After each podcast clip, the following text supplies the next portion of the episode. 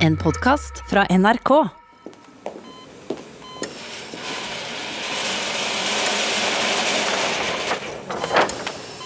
Har du noen gang tenkt på hva god helse egentlig er? Har du dårlig helse hvis du er sliten, har vondt i kroppen eller tunge tanker en gang iblant? Når er du frisk, og når er du faktisk syk? Eller spurt på en annen måte hva er sykdom? Det burde vært pensum.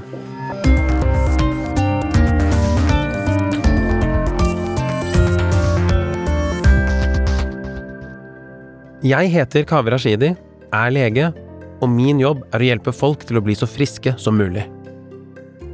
Etter mange år som fastlege har jeg erfart at skillet mellom syk og frisk ikke alltid er så enkel. Sykdom er ikke bare vitenskapelige definisjoner. Sykdom er noe kulturelt. Det er en tilstand bundet til tiden vi lever i. Og kanskje aller viktigst sykdom handler om dine krav til kroppen og sinnet ditt. Men hvordan skiller du f.eks. mellom psykisk sykdom og livets og sinnets vanlige og tunge nedturer? Eller hvordan skiller jeg på det som lege? Dette skal vi bli klokere på nå. Helsa di er tross alt det viktigste du har. Derfor må du kunne svare på ett enkelt spørsmål. Hva er sykdom? Ok, hva er egentlig problemet? Sykdom er ikke det enkelt. Prøver jeg å lage et problem av ingenting nå? Det finnes mange definisjoner på hva sykdom er, men før vi går inn på det, la meg ta deg med inn på legekontoret mitt. Hei, vær så god, kom inn. La oss snakke med tre ulike pasienter. Hver pasient er et menneske med en historie som kan gi deg et nytt perspektiv på spørsmålet om hva sykdom egentlig er. Bare å sette seg her. Ja. Aller først Marte. Ja, Marte, hva kan jeg hjelpe deg med i dag, da? Jo, jeg, jeg føler meg så sliten. Hei, jeg heter Marte, er 35 år gammel, bor i Lyngdal sammen med mann og tre barn, og egentlig alltid vært frisk og eh, sprek dame. Men nå så vil ikke kroppen lenger. Jeg står opp og er sliten, gjesper meg gjennom hele dagen på jobb, og når jeg har kommet meg hjem, så skriker kroppen etter hvile. Og da blir jeg jo naturligvis en mye mer sur mamma og kone. Kanskje mangler jeg noe vitamin eller noe, for dette her, det kjennes feil. Jeg møter ofte pasienter som Marte på legekontoret. Selvfølgelig må vi se om det er en kroppslig årsak til plagene hennes. Så jeg undersøker henne, hører på sykehistorien og tar de prøvene som er nødvendige. Og jeg kan med trygghet si at dette ikke er noe fysisk sykdom som jeg er bekymret for på nåværende tidspunkt. Hva som feiler meg, det, det vet jeg ikke, men jeg trenger en sykemelding for å komme meg og bli frisk igjen. Som lege er det en smal sak å sykemelde henne og gå videre til neste pasient. Men jeg lurer på hva det er som gjør at hun opplever disse plagene. Er det sykdom? For all del, Martha har det ikke bra, og hvis det er en sykdom, så kan jeg som lege finne en kur. Men hvis det er noe ved livet til Marte, kanskje hun selv må fikse det, og ikke legen. Det er mange som opplever Marte sine plager fra tid til annen. Faktisk de fleste småbarnsforeldre med tre barn og full jobb, vil jeg påstå. Hva gjør at Marte er syk, når andre i samme livssituasjon tåler belastningen bedre? Eller kanskje de ikke tåler det bedre engang, men aksepterer plagene? Forstå meg rett, jeg sier ikke at Marte skal bite tenna sammen. Har hun det tøft, så fortjener hun hjelp. Men om hun er syk, det må vi gruble litt mer på, sammen. Kave begynte jo å prate om ting som jeg ikke hadde tenkt på. Om jeg føler meg mer sliten enn venninner og andre småbarnsforeldre. Men det vet jo ikke jeg. Jeg vet ikke hvordan andre har det. Men jeg nekter å tro at dette her er normalen. For sånn vil ikke jeg ha det. Og det føles i det hele tatt rart at en lege jeg møter så sjelden, skal si til meg at jeg kan klare å jobbe. Men det vet jeg at jeg ikke kan. Marte har veldig gode poeng, synes jeg. Men hvem er jeg, en utenforstående lege, til å si at hun er frisk når hun føler seg syk? Men jeg tillater meg å problematisere dette litt, om ikke annet for min egen del, så jeg kan prøve å bli en bedre lege. Overalt i landet er en i full gang med slåttonna. Enkelte steder har en kanskje rukket å få høy i hus. Ennå har ikke maskindriften vunnet innpass. Kona på gården tar sin strie tørn ved siden av alt det andre som faller på henne når det gjelder styre og stell. I generasjonen før Marte var det vanlig å ha flere barn og en enda mer slitsom hverdag. Men på den tiden eksisterte det ingen sykdom som het utmattethet. Så på ett vis handler ikke sykdommen til Marte så mye om hvordan hun har det, men om hvordan hun forventer å skulle ha det. Og det igjen handler om hvor godt samfunnet sier at vi alle skal ha det.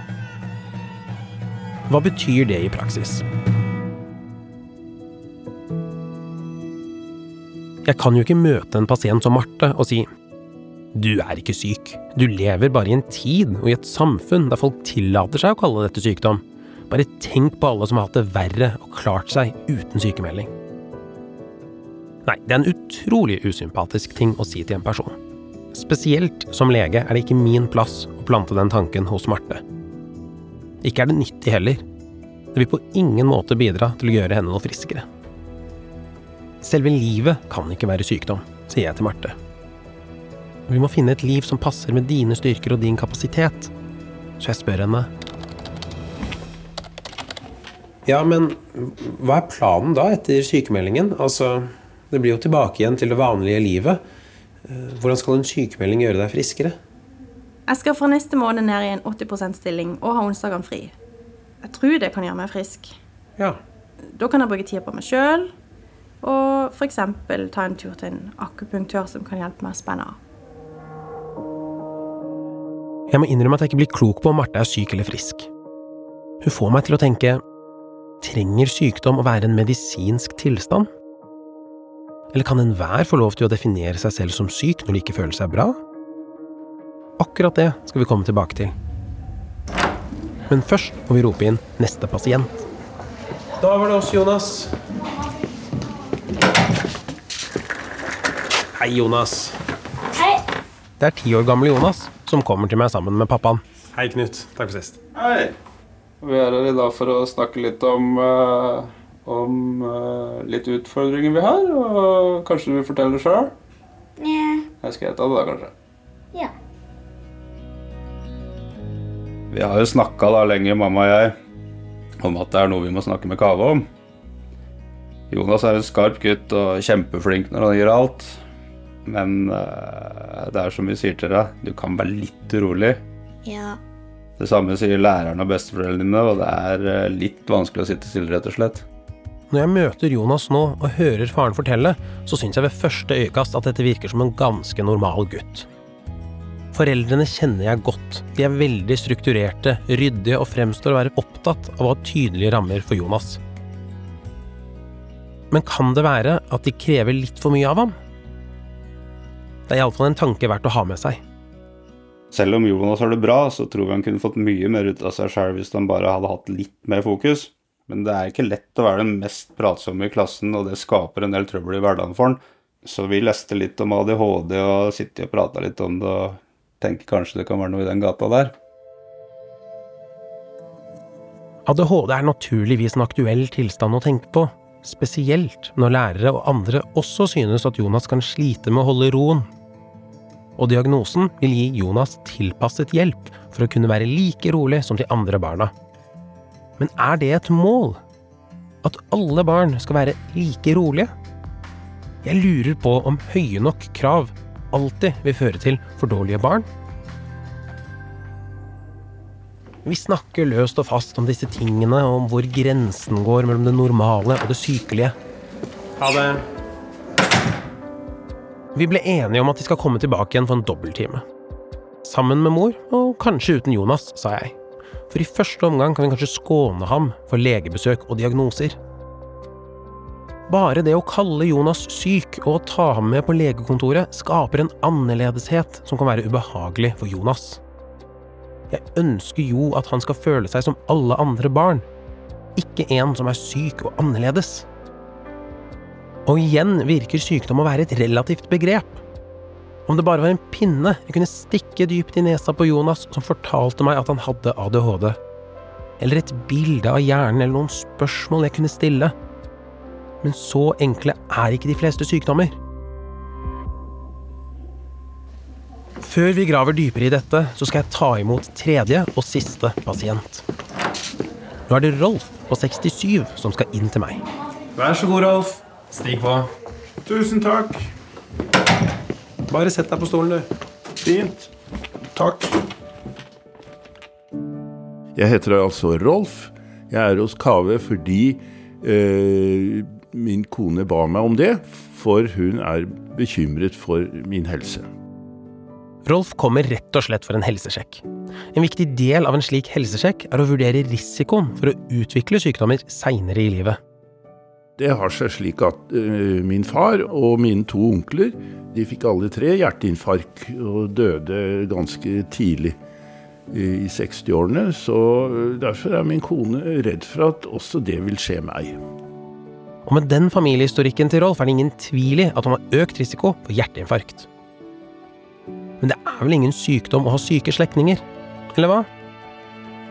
For far eh, var jo kaffe og røyk en, en viktig del av livet, men jeg, jeg røker ikke, og jeg drikker jo ikke så mye kaffe som han. Så jeg føler meg veldig frisk. Etter å ha undersøkt Rolf, finner jeg at han har et høyt blodtrykk.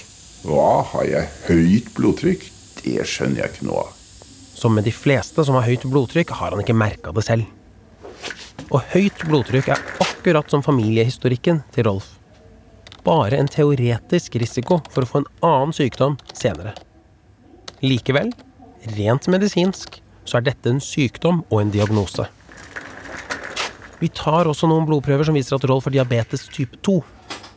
Det gir ham heller ingen plager i øyeblikket, og skal behandles akkurat som blodtrykket, med piller og livsstilsendringer. Enda en sykdom som følge av en helsesjekk. Ja, nei, altså jeg var jo frisk da jeg gikk inn til Kave.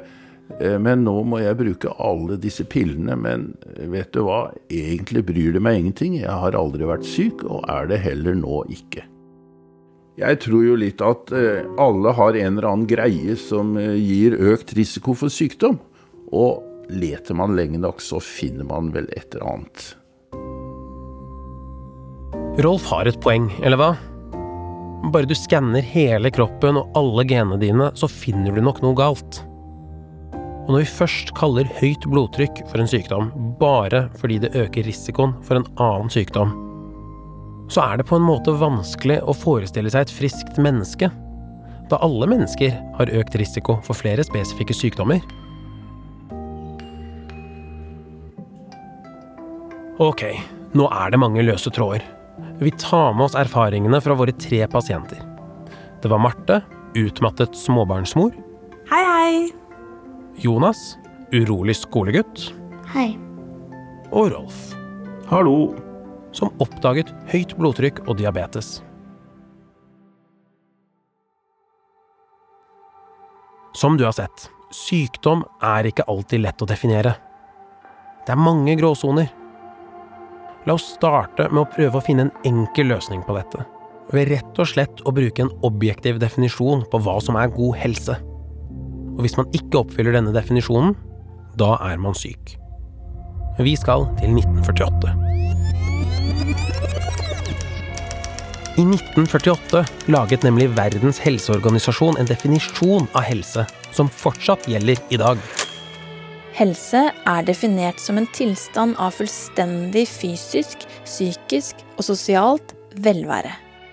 Legger du denne definisjonen til grunn, så er du nok syk.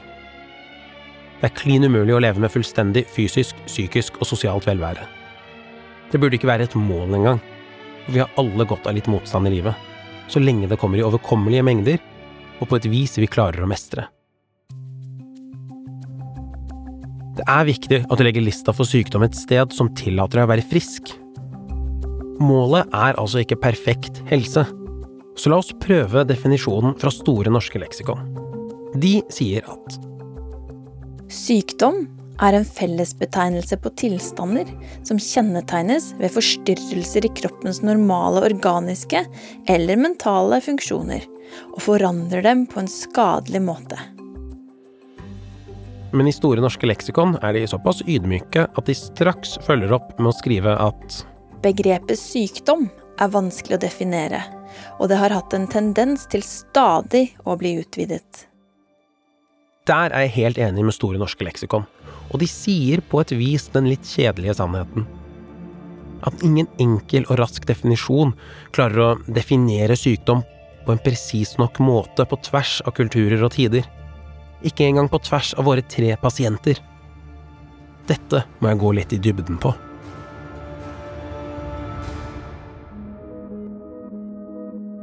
La oss starte med å svare på spørsmålet hvem bestemmer hva som er sykdom? Er det legen, eller er det deg? Det er ingen tvil i at legen kan bestemme at du er syk, selv om du ikke er enig. Pasienten min, Rolf, kan gjerne oppfatte seg selv som frisk med sitt høye blodtrykk.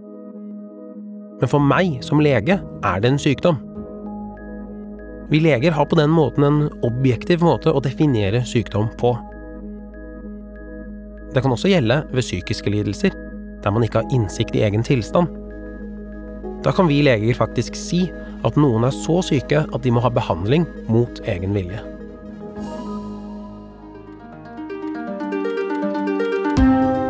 Det hadde vært supert om vi bare kunne stoppe episoden her, og være enige om at leger bestemmer. Men så enkelt er det ikke.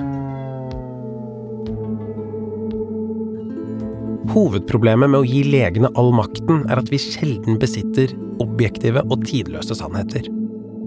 For eksempel ble det den objektive definisjonen av høyt blodtrykk, bestemt av American Heart Association, å være på 140 i overtrykk og 90 i undertrykk. Etter den definisjonen ville ikke Rolf hatt høyt blodtrykk. Men en dag i 2017 skjedde det noe.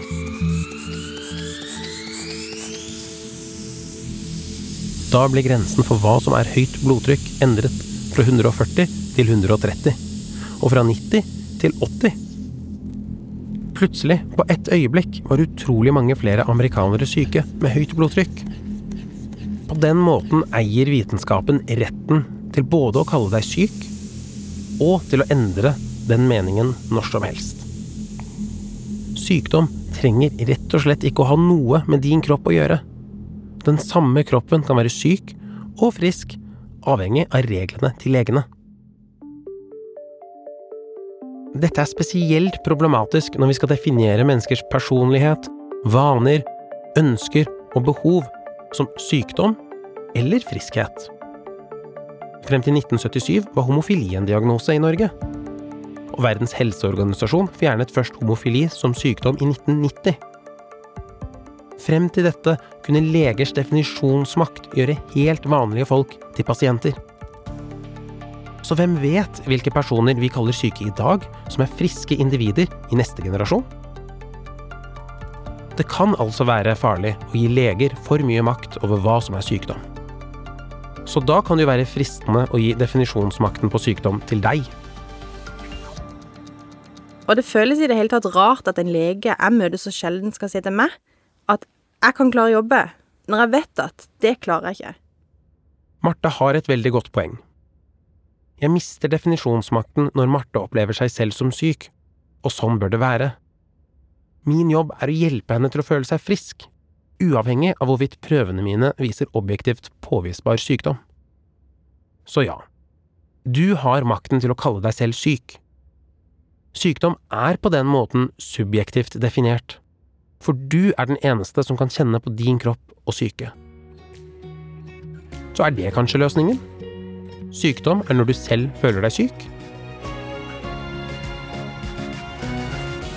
Nei, det er ikke så enkelt heller. For hva med alle rettighetene til tjenester og goder i samfunnet man får ved å være syk? Skal man utløse disse rettighetene selv? Skal hvem som helst kunne si de er utmattet og få sykepenger i noen måneder, eksempel? Vi må jo ha en slags medisinsk portvokter til samfunnets goder. Men i praksis er det faktisk pasienten, altså du, som bestemmer over legen. Hvis du sier at du er syk, ja, da er du syk, da. Hvis du opplever å ha vondt i ryggen, så kan jeg aldri motbevise det. Så her må vi også stole på hverandre og ha et tillitsforhold til hva vi kaller sykdom. Som du ser, det er problematisk hvis legen skal definere deg som syk. Men det er også problematisk hvis du selv alene kan bestemme om du er syk eller ikke. Men hvem skal gjøre det da? Omgivelsene? På et vis er det faktisk omgivelsene som er fasiten. Jeg står opp og er sliten, gjesper meg gjennom hele dagen på jobb, og når jeg har kommet meg hjem, så skriker kroppen etter hvile. Småbarnsmoren Marte opplevde seg selv som syk sammenlignet med andre småbarnsmødre. Hadde hun opplevd at alle hadde hatt det som henne, så hadde hun nok ikke tenkt på seg selv som syk. Det samme gjelder rastløse Jonas. Hei. Foreldrene bekymrer seg for sykdom fordi de bruker omgivelsene som en målestokk. Det tar oss til neste poeng som vi må grave litt nærmere i. Normalitet. Er det ikke bare å definere sykdom som et avvik fra normalen? Se for deg en gjeng med 100 utmattede småbarnsforeldre, eller 100 urolige syvåringer. Så tar du de to foreldrene som er mest utmattede, og de to barna som er mest urolige. Skal vi kalle dem syke fordi de er unormale? I så fall definerer vi sykdom ved å sammenligne oss med omgivelsene. Men det er også problematisk. Først og fremst fordi mange av oss er veldig unormale på mange vis, uten at man er syk av den grunn. Så hvilke egenskaper skal vi da tillate i et samfunn å kalle for friske avvik? Er man syk hvis man er høylytt? Hvis man får vondt i ryggen av å stå stille lenge? Eller hvis man har dårlig balanse? Og hvilke omgivelser er det riktig å sammenligne seg med? ADHD er et godt eksempel på dette problemet. Og selv om Jonas har det bra, så tror vi han kunne fått mye mer ut av seg sjøl hvis han bare hadde hatt litt mer fokus. I ett klasserom kan Jonas være den største urokråka, og man kan mistenke sykdom. Men på et annet sted er han kanskje bare én av mange i et urolig miljø. Derfor er det ikke så enkelt å si at noen er syke, bare fordi man skiller seg ut fra de rundt seg. I Norge vet vi at barn født sent på året oftere bruker ADHD-medisiner enn barn født tidlig på året. Det betyr kanskje at vi gir diagnoser til naturlig umodenhet? Forstå meg rett, jeg sier på ingen måte at ADHD bare er en kulturell sykdom. For all del, mange barn har ADHD og trenger behandling for å kunne utnytte sitt fulle potensial og være lykkelige barn og vokse til friske og sunne voksne men det er naivt å tro at sykdom er bestemt av enten lege eller pasient. Sykdom vil alltid, i større eller mindre grad, handle om hvordan vi er sammenlignet med de rundt oss. Som du ser, hva som er sykdom, er kanskje mer komplisert enn du trodde. Og nå skal jeg fortelle deg noe som gjør det enda vanskeligere. Ofte har vi en feiloppfatning av omverdenen som gjør at vi opplever oss selv som mer syke enn vi egentlig er. Rett og slett fordi vi oppfatter de andre som bedre og flinkere enn det de egentlig er. Og det er særlig én ting som er kjent for å forsterke denne effekten. Sosiale medier. På sosiale medier ser vi i stor grad bare det positive av andres liv da er det jammen ikke rart at vi opplever oss selv som syke. Det kanskje mest ekstreme eksempelet av dette er kroppens utseende. For når har du et sykelig utseende som burde endres på av leger og kirurger? Svaret på det handler i veldig stor grad om hvem du sammenligner deg med. Eller den du tror du sammenligner deg med, for du ser antageligvis ikke folk slik de egentlig er. Åh, nei, dette ble vanskelig. Helt avslutningsvis må jeg derfor prøve å oppsummere litt. Vi må finne en måte å definere sykdom på som omfatter både det objektivt biologiske, det subjektivt psykologiske og flokkens sosiale helse. Og kanskje fasiten nettopp ligger i den treenigheten. For det første er sykdom legevitenskapens vurdering av din helse. På den måten er den biologisk. For det andre er sykdom din opplevelse av din helse. På den måten er den psykologisk.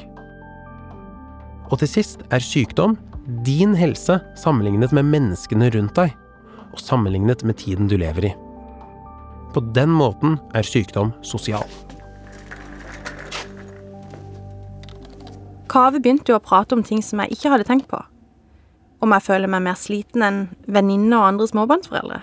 Men det vet jo ikke jeg. Jeg vet ikke hvordan andre har det. Jeg har ikke en fasit på om Marte er syk, men jeg mener hun har en totalbelastning i livet som har godt av en leges hjelp og veiledning. Jonas er en skarp gutt og kjempeflink når han gjør alt, men eh, det er som vi sier til deg, du kan være litt urolig. Ja.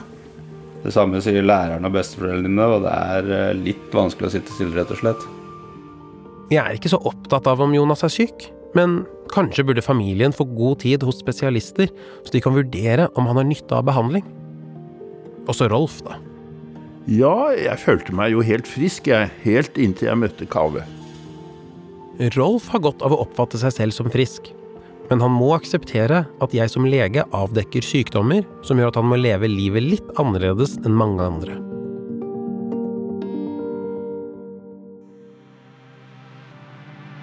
Jeg heter Kaveh Rashidi og er lege. Helt til slutt er det tre ting jeg ønsker at du skal sitte igjen med etter denne episoden. 1. Du kan faktisk bestemme om du er syk. Det er din kropp og ditt sinn. Samtidig kan du ikke alltid bestemme om du er frisk. Der kan biologien og legevitenskapen trumfe din mening. 2. Sykdom er ikke alltid definert av biologien. Det er vel så mye definert av miljø, kultur, omverdenen, hvor vi lever og tiden vi lever i. Og sist, men ikke minst, kanskje aller viktigst, det går fint an å ha fysiske og psykiske plager fra tid til annen uten å være syk. Noen symptomer, utfordringer og tunge tanker er del av det å være frisk. Det er en del av livet.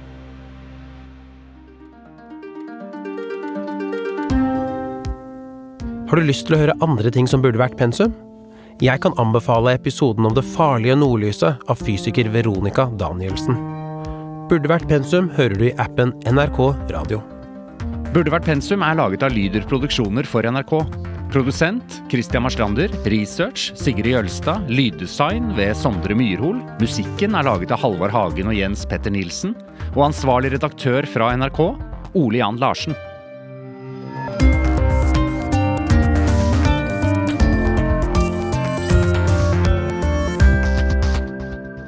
En podkast fra NRK. Podkast fra NRK. Hei, jeg heter Torfinn Borchhus. Gal og genial er historier om vitenskapens største og gærneste genier. F.eks. Nicola Tesla, som syns det ekleste i hele verden var øredobber og hår. Men som sørga for at du har strøm i stikkontakta di i dag. Gal og genial hører du først i appen NRK Radio.